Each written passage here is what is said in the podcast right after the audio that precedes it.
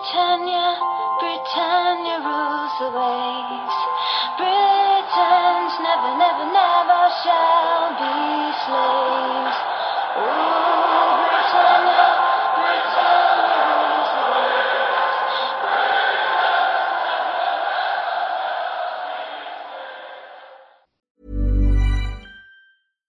Sandra, and I'm just the professional your small business was looking for. But you didn't hire me because you didn't use LinkedIn jobs. LinkedIn has professionals you can't find anywhere else, including those who aren't actively looking for a new job but might be open to the perfect role, like me. In a given month, over 70% of LinkedIn users don't visit other leading job sites. So if you're not looking on LinkedIn, you'll miss out on great candidates like Sandra. Start hiring professionals like a professional. Post your free job on linkedin.com/people today.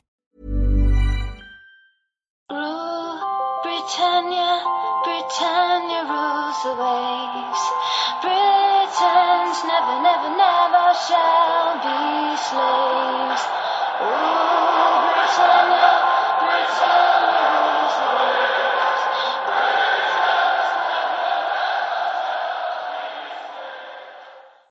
Hej och välkomna till avsnitt 56 utav Svenska FPL-podden. Vi går nu in i landslagsuppehåll nummer två för säsongen och eh, vi spelar in idag tisdagen den 8 oktober och agendan är som följer. Vi ska som vanligt syna Game Week 8 eh, och kolla vilka lag som presterar och spelare som är intressanta i fantasy-hänseende men även sådana som vi eh, kanske inte tror lika mycket på. Vi kommer kika in i poddligan där det är oerhört jämnt och eh, även kika in poddlaget som ja, men börja få fart nu tycker jag. Eh, förra veckans rekommendationer ska vi kolla på. Vi kommer inte komma med nya rekommendationer utan det tar vi in nästa vecka då vi är lite närmare Game Week 9. Och sen avslutar vi med en drös lyssnarfrågor. Eh, om vi börjar med lite hälsningar från våra sponsorer så eh, jag har personligen haft lite svårt att hitta spelvärde i EM-kvalet där det är många stora favoriter till låga odds som inte lockar. Men Coolbet erbjuder ju eh, dock kanonodds kring massa andra sporter än fotboll så varför inte den här veckan slänga in något spel på SHL eller något annat. Eh, det du som spelare kan vara säker på när du spelar hos Coolbet är att du får riktigt fina odds oavsett sport. Jämför gärna själv om du inte tror på mig. Eh, spel är enbart för dig som är över 18 år oavsett vilken sport du spelar på och tänk på att spela ansvarsfullt. Vi vill även rikta ett stort tack till våra övriga partners i Dynamo Sports, Glenn Sportsbar och Unisportstore.se som ser till att vi har så fina priser i poddligan. Och jag ska även påminna er att vi stänger poddligan för nya deltagare vid starten av Game Week 9. Game Week 9 som drar igång efter landslagsuppehållet kickar igång eh, lördagen den 19 oktober. Samma dag som eh, vi stänger poddligan för nya deltagare och även då vi hoppas träffa många av er, er våra kära lyssnare hos Glenn Sportsbar i Gamlestan, Göteborg. Jag och Stefan kommer hålla lite quiz där med fina priser i potten. Det kommer vara shuffleboard-turnering och massa härligt häng med bra priser i baren. Kom in och se en match eller häng hela dagen med oss. Vi är supertaggade för det här. Och eh, även supertaggad för lite matchgenomgång. Stefan, vill du kicka igång det? Eh, det kan jag göra med Liverpool-Leicester som Liverpool vinner med 2-1. Eh, och eh, segern satt Eh, hårt inne men sätter vi hela matchen så tycker jag att eh, Liverpool imponerar och eh, kanske framförallt, framförallt Trent Alexander-Arnold som verkligen borde fått med sig offensiv utdelning i den här matchen med ett gäng skapade chanser och väldigt många bra inlägg. Nu när Alisson snart är tillbaka så tycker jag väl att man ska börja fundera även på hans backkollega Robertson som har sett allt bättre ut på slutet. Eh, framåt så känns det som att det är Mané som är inne i eh, en formtopp just nu och eh, trots att han kommer till färre lägen än Salah så eh, gör han just nu mer poäng. Eh, jag skulle dock inte räkna ut Salah eh, ännu och eh, eh tror att eh, med de, eh, det antalet chanser han kommer till så kommer även poängen komma på honom. Eh, man ska vara lite försiktig för i den här matchen så drog han sig en ankelskada i matchens slutskede och eh, i skrivande stund så är han ett tidigt frågetecken inför eh, Game Week 9 även om vi har fått rapporter om att skadan i alla fall inte ska vara allvarlig. Sen finns ju även Firmino och han fortsätter spela bra och kommer till, till mycket lägen. Kunde ha blivit målskytt i den här matchen ett, ett par gånger med, med fina nickar. Eh, men Schmeichel var bra i kassen. Jag tycker att det känns som att Liverpool har en jättebra chans till eh, ligatiteln i år och eh, även om spelschemat ser tufft ut kommande här så ger jag dem goda chanser då de ska möta United och Spurs som båda har problem just nu. Kollar vi på Leicester så var det här en svårbedömd insats då man blir ganska utspelade och Eh, därav kan man inte säga så mycket, men det är ju nu deras fina schema börjar och eh, det, de tre jag gillar mest är fortsatt Vardy, Madison och eh, Soyuncu. Eh, där jag rankar eh, Madison kanske högst av dem och det är främst på grund av det lägre priset jämfört med, med Vardy. Eh, jag vill även nämna en outsider här i Leicester och det är ju duktiga ytterbacken Pereira som har visat vilken spetskvalitet han besitter och eh, kan eh, ta sig in eh, i offensiva poäng. Ja, gällande Trent där kan man väl säga det. Jag tycker att det säger en hel del om hans insats. Han, Liverpool håller ingen nolla, han gör varken ass eller mål men ändå kommer han in i bonuspoängen. Så att, att Trent gjorde en kanoninsats det är ganska uppenbart och jag tror att eh, ja, som vi varit inne på tidigare, Trent är den premiumförsvarare som man ska ha. Jag tänkte gå till eh, titelutmanaren Manchester City som torskar med 0-2 hemma på Etihad mot Wolverhampton. Eh, och ja, vem såg det här komma? Det tror jag inte att du gjorde Stefan. Du kom med en rek rent spelmässigt förra förra podden och jag kan inte annat än instämma. Det blev förlust mot ett eh, Wolves som inlett svagt, dessutom helt rättvist. Och det här är faktiskt första gången sedan maj 2018 som City inte gör mål i en ligamatch hemma på Etihad. Där man annars i stort sett alltid levererar. Mares som var veckans mest inbytte spelare inte bara blankade utan spelade endast 59 minuter och på så vis eh, blev det inte ens poäng för 60 minuters speltid. Dock kan Mares visa sig vara en riktigt bra spelare att äga här framöver. Speciellt om Bernardo Silva blir avstängd för sin tweet om Mendy. Och ni som inte har hängt med i det här så är det en tweet som uppenbarligen är ett skämt men det är ett rasistiskt skämt och eh, FA håller på att granska det här och eh, ja, kollar man i statuterna så ser det ut som att det i rasistiska eh, tillmätlen, oavsett om det är skämt eller inte, är minst sex matchers avstängning. Skulle eh, Bernardo Silva bli avstängd sex matcher så bör det betyda att Mares kommer få mer speltid. Nu är det så att eh, Manchester City och eh, Bernardo Silva har fram till imorgon, onsdag den 9 oktober, på sig att säga sitt till FA och därefter ska det avkunnas en dom.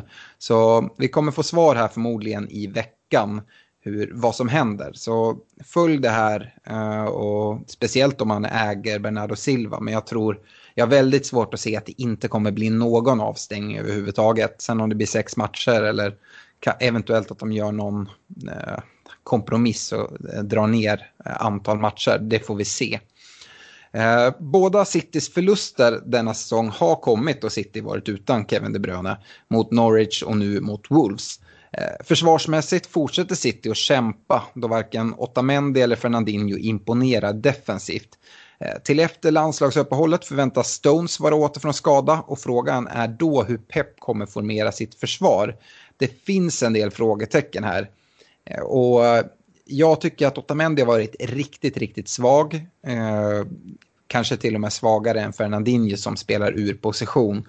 Men jag törs inte säga egentligen hur Pep tänker, men jag kan tänka mig att Stones kommer komma in i alla fall och i alla fall eh, för stunden vara första val i det här mittlåset. Sinchenko är en annan försvarare jag vill nämna. Om man äger honom är min rekommendation att göra ett skifte där omgående då jag har svårt att se att hans speltid kommer vara regelbunden. Han bytte i denna match av Walker i halvtid då Walker inte mådde bra efter några dagars sjukdom tidigare i veckan. Eh, för att förstärka mina frågetecken kring Citys försvar vänder jag mig till statistiken och där ser jag att City nu har släppt till 17 stora chanser den här säsongen, vilket bara sex andra klubbar har släppt till fler än. Och det tycker jag är ganska anmärkningsvärt i ett lag som Manchester City som för de flesta matcher väldigt, väldigt mycket. Man släpper till alldeles för mycket stora chanser och då kommer man inte hålla nollor. Om vi istället vänder oss till Wolverhampton som gjorde det kanonbra.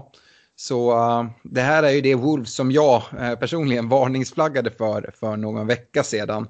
Jag såg inte det här komma mot City, Eh, dessutom efter en lång Europa League-resa tidigare i veckan i Istanbul. Nu efter landslagsuppehållet så gillar jag Wolves schema samtidigt som jag inte riktigt är helt övertygad om vilka spelare som, som jag tror på. Vi har sett att Europaspelet verkligen prioriteras och att viss rotation sker i ligan. Till denna match vildes exempelvis båda de offensiva och viktiga ytterbackarna i Doherty och Johnny. Båda kom förvisso in i andra halvlek men eh, ja, jag är inte alls säker där. Traoré som täckte upp för Doherty eh, gjorde båda kassarna sent i andra halvlek och då hade Doherty bytts in och Traoré hade tagit steget upp och spelade bredvid Raúl Jiménez som även assar till båda kassarna. Jota missar den här matchen tåskadad. Eh, då det är lite för osäkert kring Wolves så avvaktar jag personligen. Men eh, ja, det är väl Jiménez om någon som kan vara aktuell skulle jag säga. Sen gillar jag Doherty, men ja, jag är för osäker kring rotation och Europaspelet. Hur tänker du Stefan med Wolves fina spelschema? Ja, jag börjar kika allt mer på Jiménez och eh, kan väl tillägga att han inte är uttagen i Mexikos landslag i den här landslagssamlingen då, Eh, då, eh, då Mexikos förbundskapten och Eh, Wolves har kommit överens om att han skulle må bra av eh, lite vila här då han eh, inte fick så mycket vila i, eh, i somras när de var och spelade eh, Guldkuppen. Ja, och det är ju någonting, hade, hade han åkt iväg till, till Mexiko nu för, för landslagsspel då hade jag ju sagt ett big no-no att ta in honom redan nu. Men det här gör ju att om man är sugen så skulle det kunna vara ett läge. Sen är ju den här osäkerheten kring, kring Europaspelet. Hur, hur resonerar du där? Ja, det, det är såklart en osäkerhet och jag står och väljer mellan, mellan Callum Wilson och Jiménez då jag ska göra troligtvis ska jag göra ett forwardsbyte i mitt privata lag. Eh, så jag får, jag får tänka lite på det men, men jag är sugen när jag ser spelschemat som är bra en, hela vägen fram till jul för, för Wolves. Ja, spelschemat lockar verkligen och eh, vi vet vad Wolves eh, visade upp förra säsongen. Kan de hitta in i någon sån form igen så kommer det bli en rusning till flera Wolves-spelare. Det är jag ganska säker på. Yes, eh, var du klar där? Jajamän. Bra, då fortsätter jag med Arsenal-Bournemouth som slutar 1-0. Eh, och eh, jag tycker Arsenal vinner utan att eh, riktigt imponera offensivt. Däremot så var det en bättre defensiv insats än vad vi har vant oss vid på slutet. Eh, och lägg där till att Luis får bli matchvinnare med ett, eh, med ett hörnmål. Eh, dock så tycker jag väl inte matchen förändrar någonting eh, utan, i, i fantasy-syfte utan jag håller fortsatt Aubameyang som eh, klart bäst att äga här utav Arsenal-spelarna under deras eh, fina spelschema. Eh, därefter så rankar jag nog Guendouzi som en, som en billig möjliggörare på mitten då jag tror att Saka lever lite på lånad tid eh, Eh, i och med att Lacazette förväntas komma tillbaka här i slutet av eh, oktober efter landslagsuppehållet. Eh, defensivinsatsen var eh, visst bättre den här matchen men jag, jag måste, det måste synas under fler matcher än, än en för att jag ska övertyga mig om att Arsenal kan hålla eh, nollan i, i eh, fler matcher. Eh, om Bournemouth så kan man väl inte heller säga så mycket efter, eh, nytt då, efter den här insatsen. Jag, tyck, jag gillar deras matcher offensivt och jag vänder mig helst till till Callum Wilson följt av straffskytten King. Eh, sen fortsätter IK etablera sig i startelvan och eh, slog fyra nya hörnor i den här matchen. Eh, han hade kanske även lite tur som inte drog på sig en straff då han var under VAR-granskning två gånger i, under matchen. Mm, jag noterar att både Wilson och Aubameyang eh, blankar för första gången den här säsongen från eh, den här matchen då. Yes. Jag går vidare med Southampton-Chelsea och Chelsea vinner den här matchen borta med 4-1. Ja, som det ser ut nu så är det nästan omöjligt att inte trippla upp i Chelsea. Och då syftar jag till deras fina spelschema i kombination med väldigt prisvärda spelare. Och då kanske framförallt eh, Abraham Mount Tomori. Får nämna en person i varje lagdel. Jag litar dock inte helt fullt ut på deras försvar och det skulle kunna tala för att chansa med att dubbla upp på mittfältet i kombination med Abraham. Eh, å andra sidan är Tomori billig och schemat gör att jag tror att det kommer att komma några nollor i alla fall. Men om man vill gå på att dubbla upp i mittfältet så Ehm, ja, kan Hudson och Doy få en given startplats vecka efter vecka så är han intressant då han känns som en riktig poängspelare. Den som också skulle gynnas av detta det är Mount som vi ser i den här eh, den här matchen mot Southampton. Eh, när Hudson och Doy spelar då får Mount kliva in centralt i en ren nummer 10-roll istället för ute till vänster där han har varit tidigare. Och då blir Mount helt plötsligt mer involverad i egentligen allt offensivt spel. Att dubbla upp eller till och med trippla upp i Chelseas offensiv backas av statistiken. De är topp tre tillsammans med Liverpool och City i big chances, skott på mål, skott i boxen och även gjorda mål som kanske är det allra viktigaste. Southampton då, ja, jag håller mig borta. Tufft schema och svagt lag. Eh, kan även passa på att varna för Gunn i kassen som mycket möjligt skulle kunna tappa sin startplats om man har honom i sitt lag. Yes, eh, jag fortsätter med Brighton-Tottenham eh, som slutar 3-0. Och eh, det här, Brighton var ju först ut i den här omgången att överraska i något som man får väl ändå kalla skrällarnas omgång. Och man kör närmast över ett håglöst Spurs här. Allra mest intressant är ju såklart forwardsdebutanten Connolly som står för en mäktig match där han välförtjänt gör två baljor. Och han kostar endast 4,5 så om han Eh, Eh, kan få regelbunden starttid så är han ett eh, väldigt fint budgetalternativ på forwardsplatsen. Eh, även Maupay fortsätter leverera då han gör ett nytt mål efter Juris, en tavla som Juris bjuder på. Och skulle vara ett alternativ om det är så att Connolly tappar sin plats, vilket är en risk när Trossard kommer tillbaka från skada skulle jag säga. Även caset bakåt eh, stärks ytterligare och eh, där finns ju både Dunk och Ryan som är fina fantasyspelare. Eh, dock så är spelschemat lite knixigt. De har tre lättare matcher här nu, eh, men sen kommer eh, fyra lite svårare. Så jag tycker att det är ett rätt klurigt läge att, att gå in i Brighton. Eh, det, det, sker under rätt eh, kort tid. Man får gynning av det i alla fall. Tottenham då.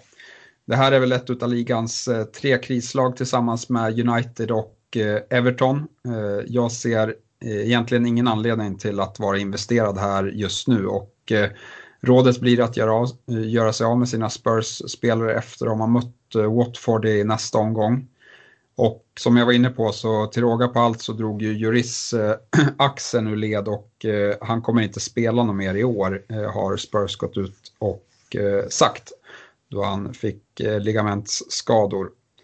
Eh, och eh, om, man inte, om man inte tror som mig på att Spurs kommer få det jobbigt så kan man eh, då gå mot eh, deras andra keeper i Gazzaniga som eh, finns för eh, tillgänglig för 4,4 i fantasy.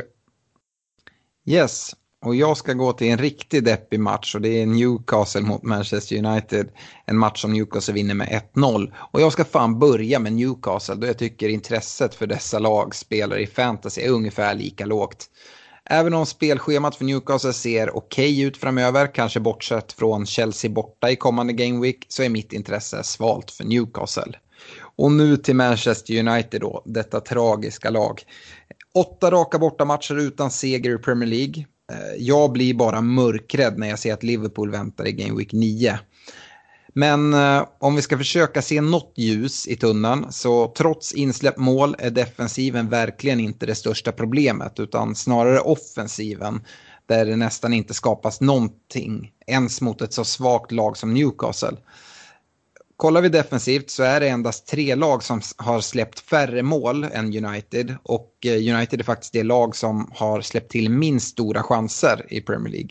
Så med det sagt finns det trots allt ett case för att backa deras försvar om man nu eh, tror på det. Skadelistan, ja, den hjälper inte, men oavsett så fångar ingen United-spelare mitt intresse. Offensivt får man som United United-supporter eh, lägga hoppet till att Rashford och Martial får fart på offensiven som såg spännande ut i början av säsongen innan Martials skada. Men Rashford ser riktigt, riktigt eh, sval ut just nu. Eh, men som sagt, eh, om Martial kan komma in och ta den där eh, centrala nummer nio-rollen och Rashford får flytta ut på kanten och de får igång sitt platsbyte så eventuellt skulle det kunna bli någonting. Efter Liverpool så ser spelschemat bra ut, men som sagt, vi vill nog först börja se skadade spelare tillbaka och en del tendenser innan vi fyller på med United-spelare just nu. Yes, Burnley-Everton eh, vinner Burnley med 1-0 eh, och eh, jag tycker väl att eh, de vinner lite turligt eh, och eh, har sett eh, rätt svaga ut framåt utan det är mer defensiven som imponerar för tillfället.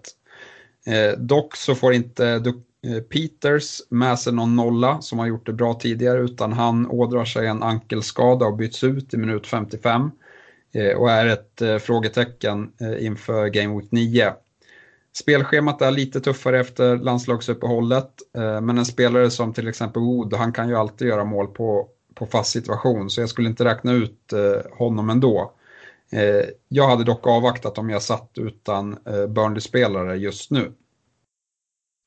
Everton, eh, här drar ju Coleman på sig en väldigt onödig utvisning. Han kanske skulle varit utvisad redan när han fick sitt första gula kort, men sen gör han en onödig tackling och får sitt andra gula.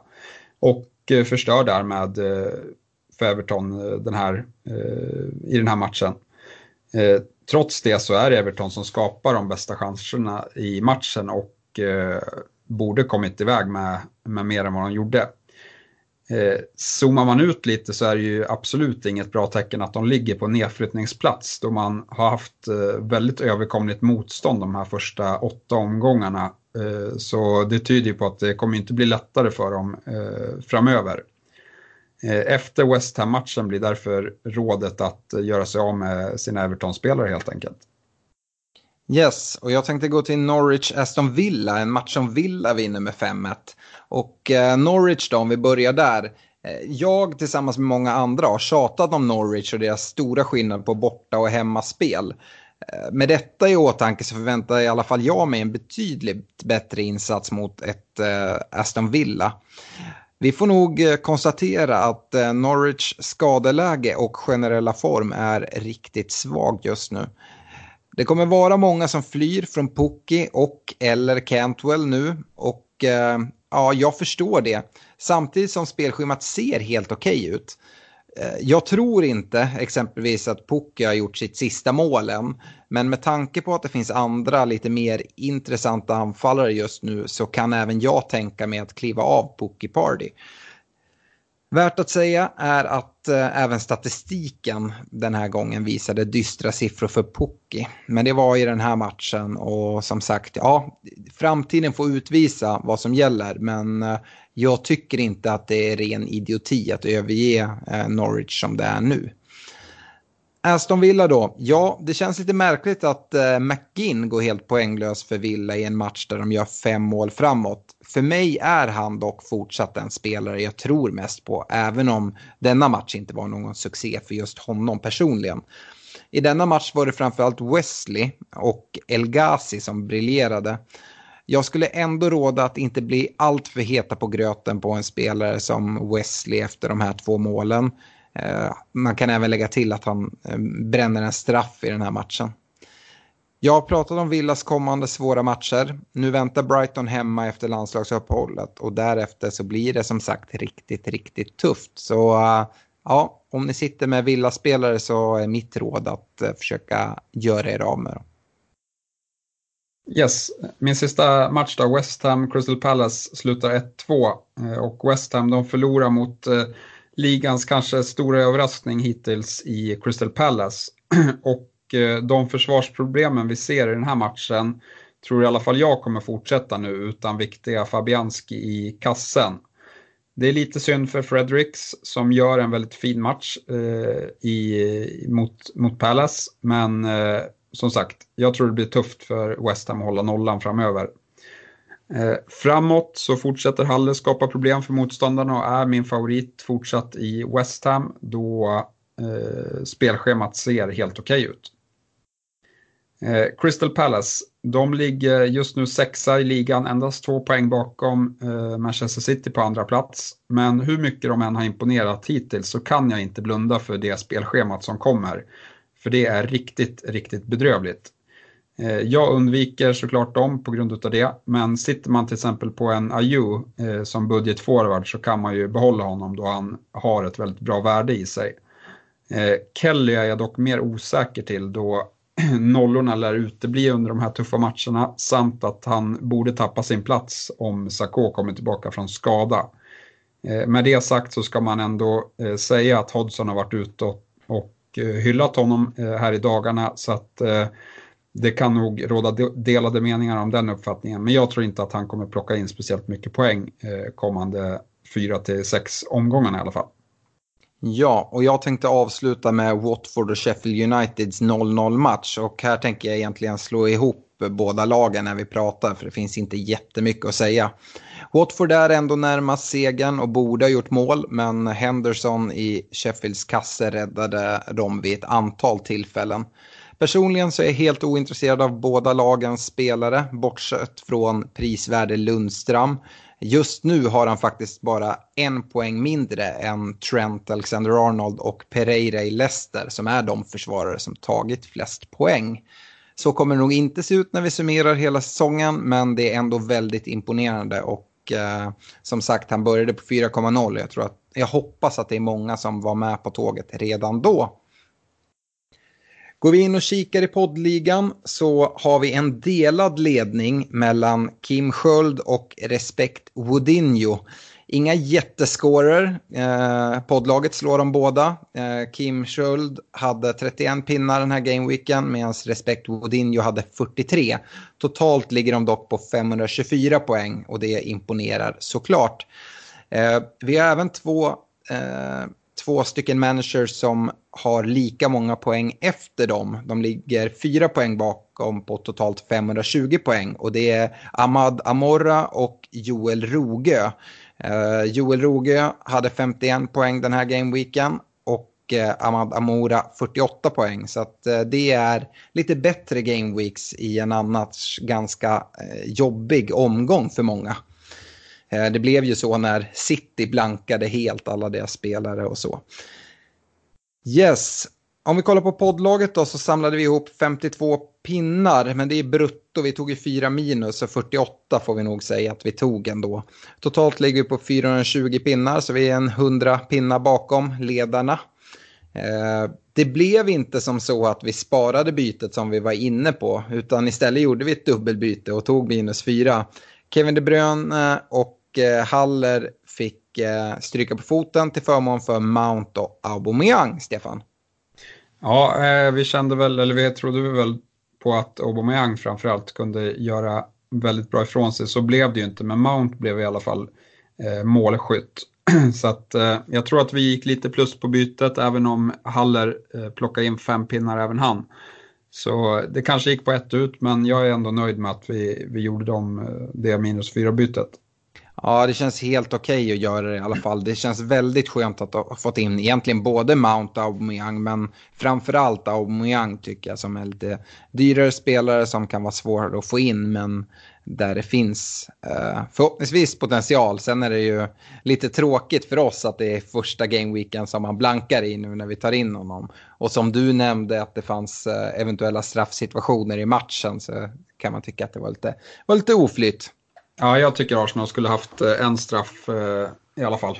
Eh, den andra situationen tyckte jag inte var straff. Mm. Ja, vi eh, behöver väl inte prata så mycket mer om poddlaget och eh, våra planer där. Det får vi återkomma med i kanske nästa avsnitt när vi är lite närmare nästa Game Week. Det kommer ju även bli lite speciellt här med rekommendationerna. Vi kommer inte följa upp de försvarare, mittfältare och forwards som vi pratade om. Vi gick ju på ett nytt koncept förra veckan där vi listade tre namn på respektive position som vi skulle se under lite längre tid. Så vi får återkomma om det lite senare. Däremot kan vi kolla på varningarna som vi utfärdade. Eh, jag sa att man ska avvakta med tidiga byten på grund av Europaspel men även på grund av landslagsuppehållet och att då två fria byten är härligt att ha. Och du Stefan, du varnade för kort vila för lag som Liverpool, Arsenal, United och Wolves. Nu var det väl egentligen bara United som, som eh, torskade av de lagen. Men eh, Liverpool var ju väldigt nära att tappa poäng och Arsenal gör bara en kasse. Sen Wolves är ju ja, det är ett kapitel i sig. Ja, det var den stora, eh, stora överraskningen för mig också. Eh, kaptensvalen förra veckan var väldigt svåra. Det var inte många som tog mycket poäng där. Inte våra rekar heller. Jag tipsade om Aubameyang, du tipsade om Sterling. Två pinnar på, på de båda blev det där. Men uh, ja, eh, man kan nog trösta sig med att de allra flesta hade binden på spelare som tog väldigt lite poäng. Man skulle ha satt den på Mané den här gameweeken uppenbarligen så här i efterhand. Ja, det var väl egentligen den som fanns i en eventuell kaptensdiskussion som faktiskt levererade. Mm, ja, och man skulle kunna ha gått in på eh, exempelvis Abraham i, i Chelsea och sådär. Men, Absolut. Ja. Eh, Differential-sidan så var vi båda inne i West Ham och fingrade. Jag på Jarmolenko, en pinne blev det. Du på Haller, fem pinnar. Eh, inte så mycket att säga där va, utan eh, vi hoppar väl raskt vidare på uh, lyssnarfrågor. Ja, absolut. Vi har fått en massa frågor om wildcards. Det brukar vara så här i landslagsuppehåll. Eh, Didrik Nilsson, André Wideheim, Ekelund, Tobias Tim, Olle Hultqvist och Håkan Strömberg. Ja, det är massa som hör av sig. Eh, Håkan Strömberg formulerar sin fråga så här. Vilka skulle ni ta ut och behålla för överskådlig framtid i ett wildcard? Stabila poängplockare, kaptensmöjligheter, billiga bänknötare och så vidare. Har du några namn du vill bolla upp, Stefan? Uh, ja, men Eh, det är svårt nu eh, så här långt innan, men De Bruyne om han är tillbaka från skada, han är självskriven i, i mitt lag eh, alla dagar. Sen tycker jag att jag vet att det är lite snack om att, man, att Liverpool har svårare matcher här nu, att de inte är så intressant. Men de ska möta United och Tottenham. Jag ser inte det som liksom just nu som mördande för Liverpool. Så att jag tror att eh, deras offensiva spelare har goda möjligheter. Eh, och Mané eller Sala plus Trent hade jag nog också haft med i ett wildcard-lag faktiskt. Mm, jag tycker det, om man utgår bakifrån, vi hoppar målvakterna just för nu, så Trent tycker jag är ett måste. Jag instämmer med dig eh, och vi har väl vissa planer i poddlaget att eh, kanske inte nu direkt men inom hyfsat snar framtid så vänder ju eh, Liverpools matcher och jag håller med dig. Det är inte supertuffa matcher här United-Tottenham men snart så ser vi väldigt mycket enklare matcher och då kanske det är läge att dubbla upp i, i eh, Liverpools försvar med Trent och Robertson. Dels får, dubblar man ju upp i deras försvar men de spelar ju nästan som ytterforward så att du får ju även offensiv utdelning förhoppningsvis. Um, så eventuellt kan man gå in där redan nu. Men uh, annars, ja, vi har varit inne på det. Lag som man ska ha koll på, det är ju Chelsea och det är Leicester nu med deras spelschema. Vi har väl äh, nämnt tre spelare varje gång egentligen för båda lagen. Man kan mm. gå på Tomori, man kan gå på Mount, Abraham i, uh, i Chelsea. I Leicester så har vi Suyunsho, vi har Madison, vi har Vardy. Så där har vi väl några. Jag tycker även att Aubameyang är en spelare som, som är värd att, att kolla mot. Um, ja, har man Lundström sedan länge då sitter man lugnt kvar med honom trots deras tuffa spelschema. Det finns mycket värde där. Eh, något vi pratar om väldigt sällan, Stefan, det är målvakter. Och om man drar ett wildcard då har man ju ändå möjlighet att eh, välja vilka målvakter man ska gå på. Vi, eh, har du någon tanke där hur, hur du skulle välja vid, vid en sån situation? Jag, nej, men, men där, jag tycker att eh, Brighton har eh, överraskat positivt och Ryan är en erkänt duktig fantasymålvakt som är, gör mycket räddningar, kan ta bonuspoäng.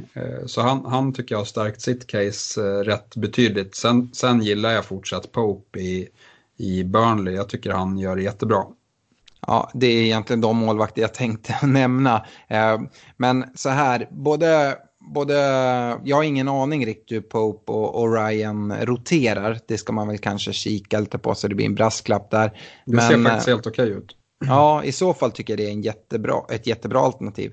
Eh, ett sätt eh, om man vill dubbla upp i, eh, i Liverpools försvar är ju att ta in Allison också. Han har ju faktiskt gått ner till 5,8. Och det är ett väldigt bra pris för att komma in i, i Liverpools försvar tillsammans då med, med Trent förslagsvis. Men ja, jag gillar ju Robertson och Trent mer än att ha Allison och Trent. Men det skulle kunna vara ett alternativ om man lockas mot att gå på en, premiummålvakt. Eh, dock ska vi säga att vi vet inte om han är tillbaka till Game Week 9. Men jag skulle ändå tro det, för Klopp pratade tidigare om att ja, vi får se om det blir före eller efter landslagsuppehållet som han kommer tillbaka. Så att, eh, jag tycker det är mycket som talar för om det inte skulle bli något rejält bakslag här under, under landslagsuppehållet.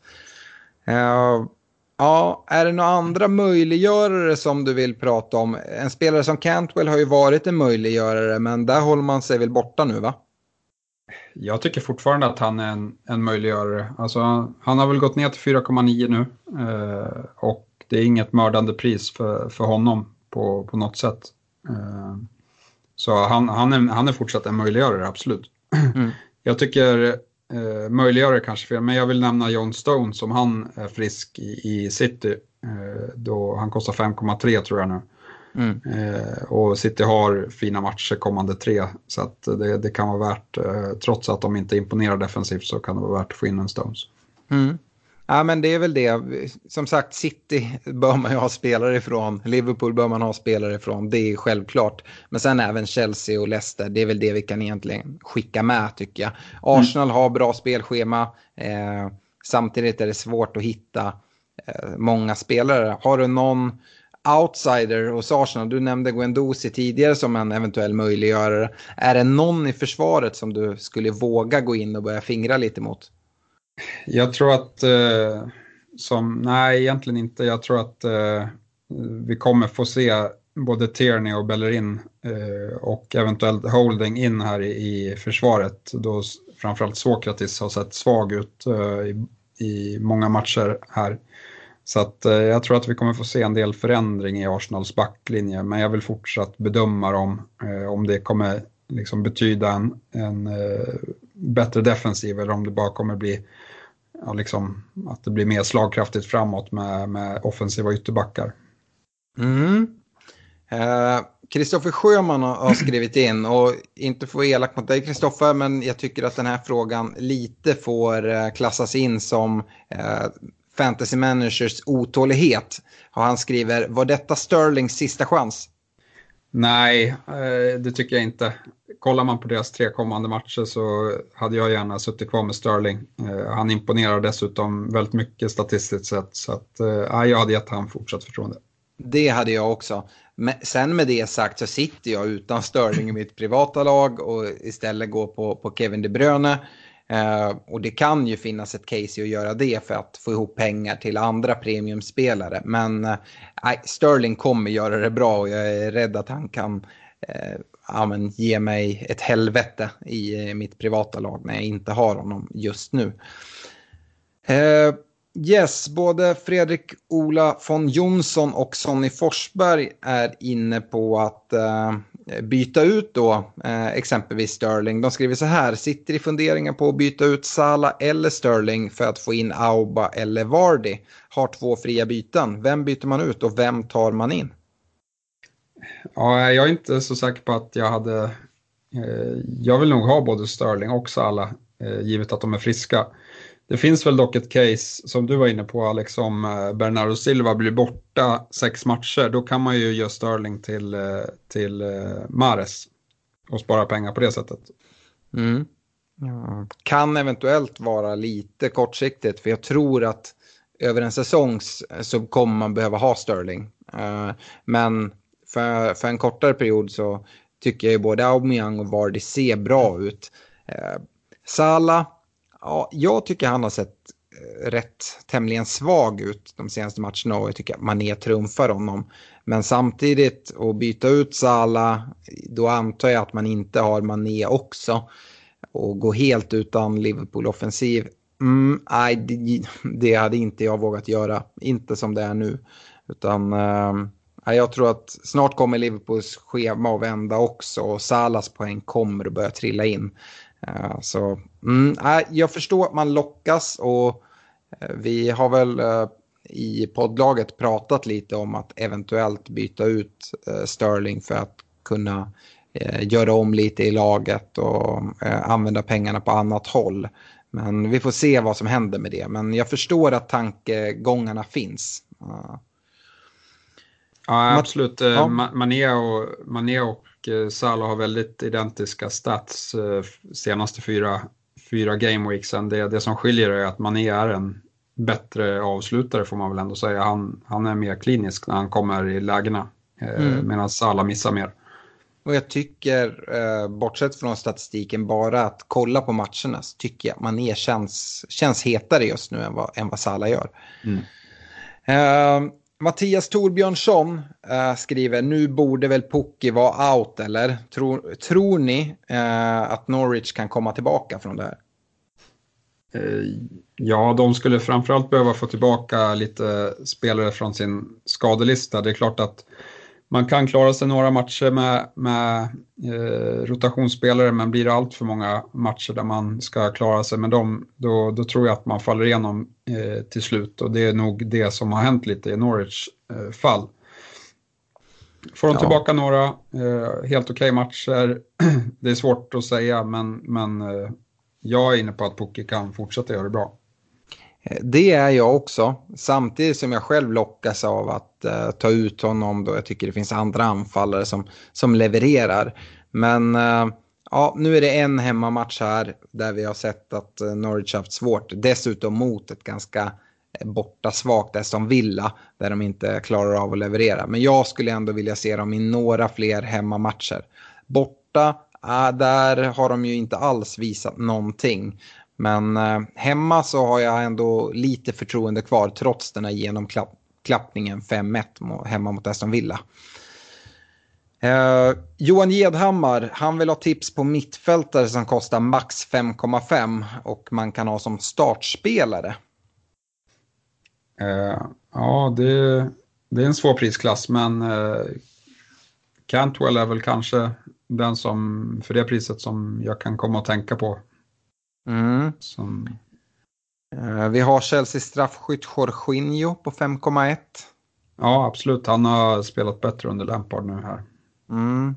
Guendouzi ligger ju där också. Man kanske inte vill ha honom som startspelare vecka efter vecka. Men som sagt, det är en möjliggörare. Kostar 4,7.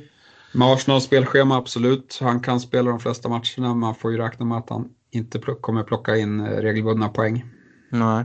Om man nu tror på Wolverhampton med det här fina spelschemat så eh, i den här prisklassen så hittar man ju både Motinho och Ruben Neves på 5,4.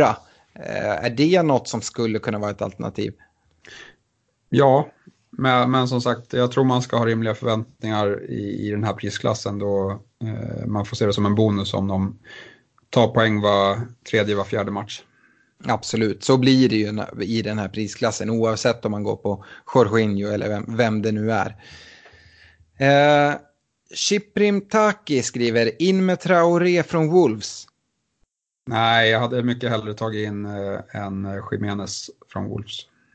Ja, nej, Traoré det är också någonting, det känns ganska kortsiktigt. Vi vet vad Traoré har för spetsegenskaper. Han är extremt snabb, han är väldigt stark.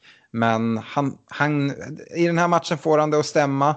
Men sen kommer vi se matcher då han inte får det att stämma och han är långt ifrån en given startspelare trots sin fina insats nu, nu senast. Så nej, jag håller mig borta från Traoré. Jag tycker det finns eh, flera andra intressanta spelare från Wolves som går före honom. Andreas Albacka, han funderar på att byta ut en eller båda av Digné och just nämnde Pukki. Han har lite, typ en miljon på, på banken och två fria byten. Uh, eh, vad skulle vi, han undrar vad vi skulle rekommendera att byta in mot de här herrarna eller är de värda att behålla undrar han. Och eh, Poki har vi pratat om att vi tycker att det finns ett case att byta ut honom men det är inte självklart man kan även sitta kvar med honom. Om vi pratar Digné istället, Stefan. Ja, eh, ja Everton har ju en hemmamatch mot, eh, mot West Ham. Eh, så kan man behålla honom över den matchen så, så eh, tror jag att eh, man kan bli belönad. Man vet ju aldrig när hans offensiva poäng kommer komma, men han ligger fortsatt med och skapar chanser i, i, ett, i en bra takt. Så att Ingen, ingen liksom jätteförsvagning där. Det är mer att Everton har släppt in massa mål eh, som har gjort att han inte har fått någon mycket poäng. Så ja, men han kan man behålla en omgång. Eh, Pukki kan man absolut byta ut och de två som jag lockas mest av just nu då, i samma prisklass eller någon miljon över det är Jiménez eller Callum Wilson. Mm. Ska vi nämna Abraham också? Om man ja, inte precis. Redan Abraham, har Abraham är jättefin. Eh, jag skulle vilja säga det att om man nu väljer att sitta kvar med Pocki och har en, en miljon på banken så tycker jag det är ett ganska enkelt byte att göra. Plocka ut Digny och ta in Robertson. Eh, och förhoppningsvis har man redan Trent då. Eh, jag tycker att det är ett läge att inom kort dubbla upp i Liverpools ytterbackar. Och det är någonting som, som jag kollar på både privat och som vi har diskussioner om i, i poddlaget. Yes. Vår vän John Söderberg har skrivit till oss och har en fråga till dig och en fråga till mig. Och det gäller två olika lag. Du, Arsenal, eh, du, du Stefan ska få prata Arsenal. Han skriver att uh, Callum Chambers har varit grym, både som högerback och uh, som i centralt. uh, och undrar vad du tror där, Stefan. Eller för den delen vad du tror om övriga i försvaret där. Och då nämner han Tierney, Holding, Beijerin här efter uppehållet. Ja, alltså jag är sjukt sugen på att se dem spela. Eh, angående Chambers så är jag för osäker på om han får behålla sin plats när Bellerin är tillbaka. Eh, då han mycket väl skulle kunna bli bänkad och Sokrates fortsätter spela. Sen eh, ska man väl se Arsenal eh, någon mer match om de kan hålla nollan på, liksom, på regelbunden basis. Men det är väl i sånt fall, jag är mer sugen på att försöka hitta någon riktigt billig Arsenal-back som till exempel en Chamber som han slår sig in i startelvan än att gå på någon eh, Tierney eller Bellerin som kostar ändå 5,3 eller 5,4 eh, då det är ett högt pris för det ostabila försvaret som jag fortsatt ser. Mm, ja, frågorna kommer väl på grund av Arsenals fina spelschema. Uh, men uh, det är lite för mycket osäkerhet. Jag skulle vänta någon omgång i alla fall och se om vi kan se några tydliga tendenser. Ja, man har ju en match borta mot Sheffield eh, United här eh, som, som man kan bedöma och sen efter det så är det två raka hemmamatcher. Då har man kanske fått lite mer svar om de skadade spelarna och så. Ja, eh, till mig så undrar John då över Leicester istället. Och eh, utöver de här spelarna som vi alltid nämner i Vardy, Madison och Sojuncho så undrar han vad vi tycker, eller framförallt ställer han frågan till mig, men du får även komma in här Stefan om du vill, eh, kring spelare ja, Thielmans, Peres, eh, Pereira, Chilwell eh, Eh, för att få, ett, få någon differential till ett annat starkt lag.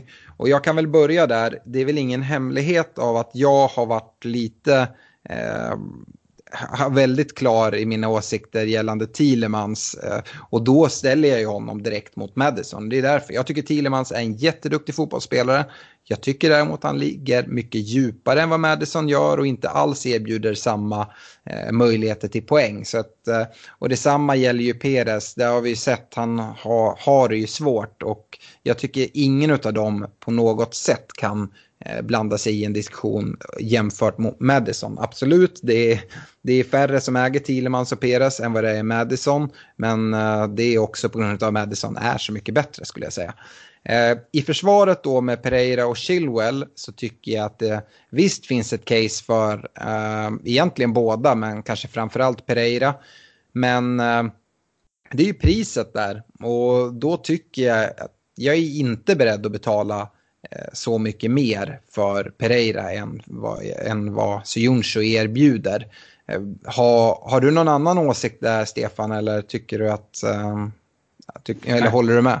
Nej, jag hade velat sett, eh, jag tycker det är svårt för att eh, Leicester kan absolut hålla nollan eh, och Pereira kan ge offensiva poäng men det är inte så att han sticker ut eh, statistiskt sett att han skapar massa chanser och så utan det är mer när han väl får ett bra läge så har han, har han kvalitet och, och göra det bra. Jag tycker det är svårt med, med en sån spelare att motivera att man ska betala över 6 miljoner för honom. Eh, då eh, det kan även bli två poäng och insläppt mål på, då jag inte ser Leicester som någon defensiv maskin som kommer bara plocka in nolla på nolla här.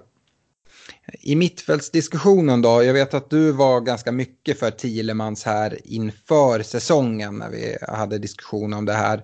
Medan jag då kanske var mer för Peres. Eh, vad, vad tycker du där? Är, är någon av dem en eh, riktig eh, potentiell ersättare till Madison? Nej, inte så. Alltså, alltså, Madison imponerar väldigt mycket plus att han har en mer framskjuten position än vad han hade i fjol.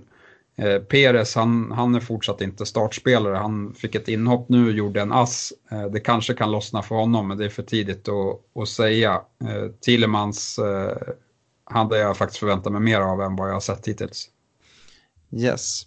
Uh, en sista fråga här från Facebook är Henrik Mattsson. Han skriver så här, det är långt kvar men hur långt efter kan man ligga i ligan för att fortfarande ha en realistisk chans att vinna? Och då antar jag att han pratar poddligan och fantasy eh, och inte Premier League.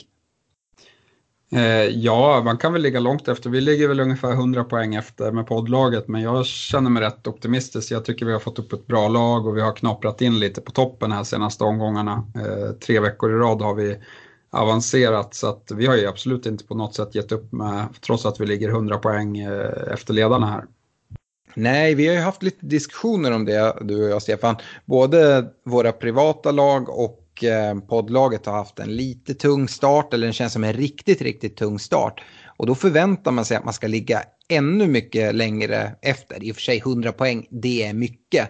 Men eh, i, om man då jämför sig mot ledarna i, i ligan och de som leder poddligan, det är riktigt, riktigt bra, bra spelare och som ligger bra till i, i eh, hela världen egentligen. Man kollar in snabbt nu på eh, Kim Sköld som då eh, leder. Han ligger eh, plats 21 i Sverige och plats 807 overall. Det är jättebra eh, poäng. Så att, eh, Sen ska man ju komma ihåg det att uh, om man har haft lite is i magen och kanske sitter kvar med sitt wildcard eller har i alla fall de övriga chippen kvar så är det folk som ligger före dig som har, uh, har dragit några av de här chipsen. Så att, uh, jag tycker att det finns ganska goda möjligheter och trägen vinner. Om man bara jobbar systematiskt och Eh, kan man mycket väl vinna sina olika kompisligor även om man ligger eh, ja, men 100 poäng bakom eh, redan nu.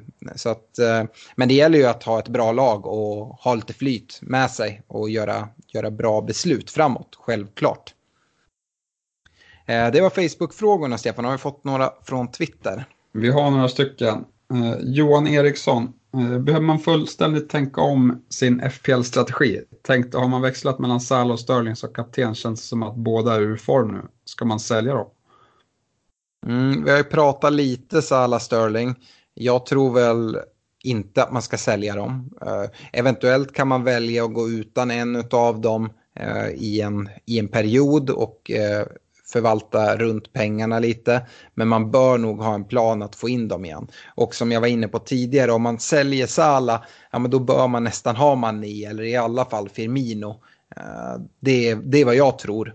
Eh, Sterling tycker jag är lite lättare att gå utan då man kan ha Kevin De Bruyne om han är tillbaka och då eventuellt Mares som vi ser nu, eh, Bernardo Silva blir borta i ja, sex game weeks till exempel. Det är ju en ganska lång tid.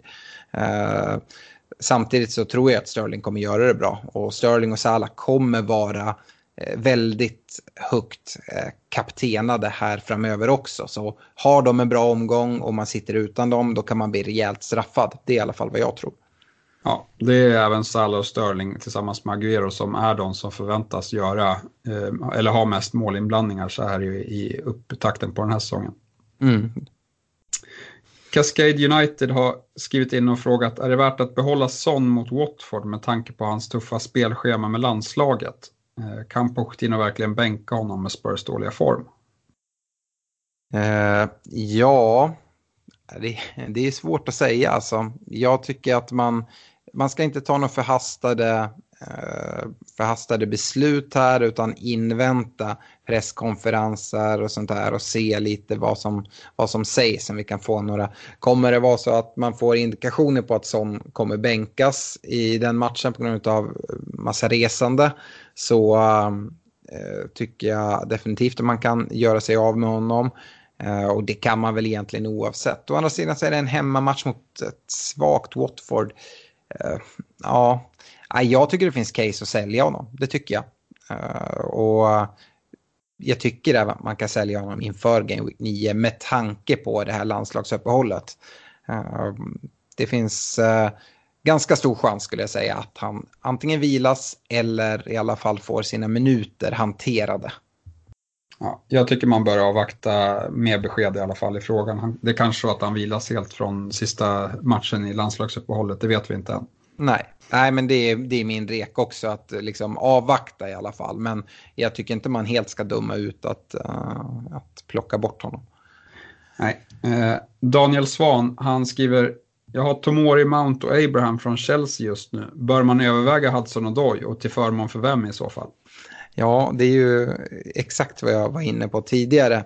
Och eh, jag tycker inte att man rör Mount eller Abraham, utan i så fall är det Tomori. Tomori har ett bra pris, men jag vet inte om Chelseas defensiv helt går att lita på. Eh, om man är beredd att ta en rejäl chansning så tycker jag man kan ta in Hudson och Doy. Men eh, hans startplats Ja, jag, jag, är inte, jag är inte helt övertygad om att Lampard kommer ge han eh, den återkommande speltid som man, man vill ha. Tomori, Mount och Abraham, de känner jag mig mycket tryggare med, kommer starta vecka efter vecka. Men jag hoppas såklart att Hudson och Doy ska spela som Mount-ägare, då jag tror att Mount kommer Eh, ta den nummer 10-rollen som jag var inne på i laggenomgången. Det är i alla fall min tanke. Och ska man byta ut någon så är det Tomori, man byter inte ut Mount eller Abraham. Det är i alla fall min tanke. Instämmer. Eh, sen har vi lite Robert Jonsson, han undrar över Salo Sterling, men det anser jag att vi har besvarat. Men han undrar även om Pocki och Cantwell och Alex Florin, han undrar också om pokerpartyt är slut och om man ska behålla honom mot Bournemouth eller skeppa honom för minus fyra och ta in Wilson eller Vardy istället? Jag hade inte tagit minus fyra för att få ut Pocke, uh, eh, för att börja där. Jag tycker, vi har varit inne på det tidigare, Cantwell framför allt, man ska ha för, förväntningar efter pris. Och eh, de levererar fortfarande helt okej okay poäng om man slår ut det. Nu är de inne i en liten tyngre, tyngre period. Uh, och uh, ja, vi, vi får se. Jag tycker inte att man ska ta massa minus för att byta ut dem. För att ta minus för att byta ut Cantwell exempelvis, ja men då ska du ta in någon spelare i ungefär samma prisklass som ska göra det bättre än honom. Och det är ganska svårt att se någon självklar sån spelare. Eh, I Pocky, ja, där finns det ju lite fler alternativ prismässigt. Men eh, jag skulle inte ta minus för det. Men Eh, Eh, jag kan absolut se att eh, göra något byte och ta in spelare som är i hans prisklass eller kanske lite, lite dyrare i form av Abraham, Wilson, Jimenez, vi har varit inne på dem. Eh, Haller ska väl också in där. Man skulle kunna gå ner i pris på Pocke om man vill göra det och ta in King i Bournemouth. Men jag skulle inte ta minus för att göra det. Nej, eh, om du måste ställa Wilson och Vardy mot varandra, för det undrar Jesper nämligen. Mm, nej, då är mitt val Vardy. Är det. Eh, sen, så, sen så är eh, Wilson, Wilson är billigare, ska man ju ha, ha, med sig. Så att det man måste ta in är ju vad man kan göra med de pengarna och då behöver man se på laget i stort. Men om man bara tar spelare för spelare så, så gillar jag Vardy mer. Yes, Eh, och så Gustav Persson, han har gått hårt på bytesknappen, det här måste han ha gjort. Men värt att ta minus 8 för att få ut Son och Pukki mot Mount och Vardy? Eh, nej, det är det inte. Minus 8 tycker jag absolut inte han ska ta. Jag var inne på det, jag tycker inte att man tar ut Pukki för minuspoäng och det står jag kvar vid här. Tycker heller inte att eh, just Son, avvakta där, vi har redan pratat Son, men eh, Eh, avvakta. Eventuellt kan du ta minus fyra och ta ut Son om du, man får klara indikationer på att Son kommer eh, roteras men, eh, i, i Game Week 9. Men annars så tycker jag inte det. Uh, yes, sen har vi en fråga om en kapten, Samuel uh, Pettersson. Han, jag ska inte nämna alla, men han har De Bruyne, Salah och Abraham uh, och PP. vem hade du bindlat där om alla var friska? Hur fan kan han ha PP är min första fråga. eh, men eh, nej, jag hade inte bindlat PP. De möter Sheffield United borta. Eh, erkänt hemmastarkt Sheffield United. Eh, PP har inte visat någonting som gör att han ska ha någon, någon bindel. Eh, nu gör han väl säkert massa poäng på grund av det, men nej, det tycker jag inte. Vad hade han med sig? Sala? Sala, De Bruyne och Abraham. De Bruyne och Abraham. Chelsea och Newcastle hemma, det är ju en kanonmatch skulle jag säga. Eh, så Abraham ligger väl bra till. Samtidigt, ah, ah, jag vet inte. Palace har ju varit väldigt hemmastarka. Crystal Palace har ju City hemma. Ehm, och Palace har varit väldigt målsnåla hemma. Det har vi varit inne på flera gånger tidigare. Samtidigt, nu med Citys torsk här senast. Vi kommer ihåg hur det gick när de torskade mot Norwich och sen körde 8-0 mot, mot Watford. Det kan vara så att City kan få en rejäl reaktion eh, mot Pallas. Så De Bruyne behöver inte vara dum om vi får tydliga indikationer på att han, han ska spela där efter landslagsuppehållet, vilket jag tror att han kommer att göra. Eh, och Salah kan mycket väl göra poäng mot United, men jag tycker Salahs form har varit lite för svag. Eh, och United som sagt, deras defensiv har inte varit supersvag. Jag tror att Liverpool kommer vinna mot United på Old Trafford. Men jag förväntar mig inte att det kommer rassla allt för mycket i, må i mål. Uh, mitt val hade nog stått mellan Kevin De Bruyne och Abraham. Och det är väl lite en uh, känsla personligen vad man har där. Om man tror att City kommer ha, få en reaktion och tok köra mot Pallas. Eller om man då tror att Pallas fortsatta starka hemmadefensiv kommer, kommer stå emot. Uh, Abraham känns ju som ett bra val för Chelsea oavsett. Yes, det var allt från Twitter. Ja, det var ett väldigt långt svar där på kaptensfrågan känner jag. Men eh, som sagt, det finns lite olika val. Ja, Pepe är inte ens med i diskussionen. Sala kan man aldrig bortse ifrån, men United har en stark defensiv. Ja, Eh, med det så ska vi avsluta det här avsnittet och vi kommer tillbaka nästa vecka och då kör vi ett nytt sånt statistik djupdykningsavsnitt. Och nu har vi lite fler matcher att gå på så att det tycker jag ska bli väldigt intressant. Eh, Stefan, du har redan börjat kika lite och eh, det finns ganska mycket intressant att gräva i där. Yes, kommer även jämföra lite mot hur de presterade i fjol, eh, spelarna. Mm, spännande. Med det så tackar vi för oss och eh, önskar alla ett trevligt landslagsuppehåll och eh, gör inte massa byten nu utan avvakta landslagsuppehållet för det kommer komma skador och massa andra saker. Det är i alla fall min starka rekommendation. Ha det bra allihopa! Ja, ha det bra. Hej då!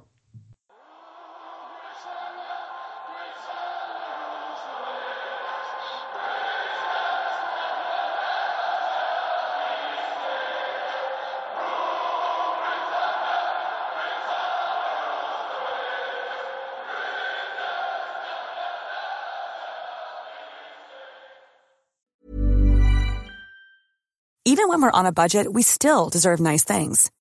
Quince is a place to scoop up stunning high-end goods for 50 to 80% less than similar brands. They have buttery soft cashmere sweaters starting at $50, luxurious Italian leather bags, and so much more. Plus, Quince only works with factories that use safe, ethical, and responsible manufacturing. Get the high-end goods you'll love without the high price tag with Quince. Go to quince.com/style for free shipping and 365-day returns.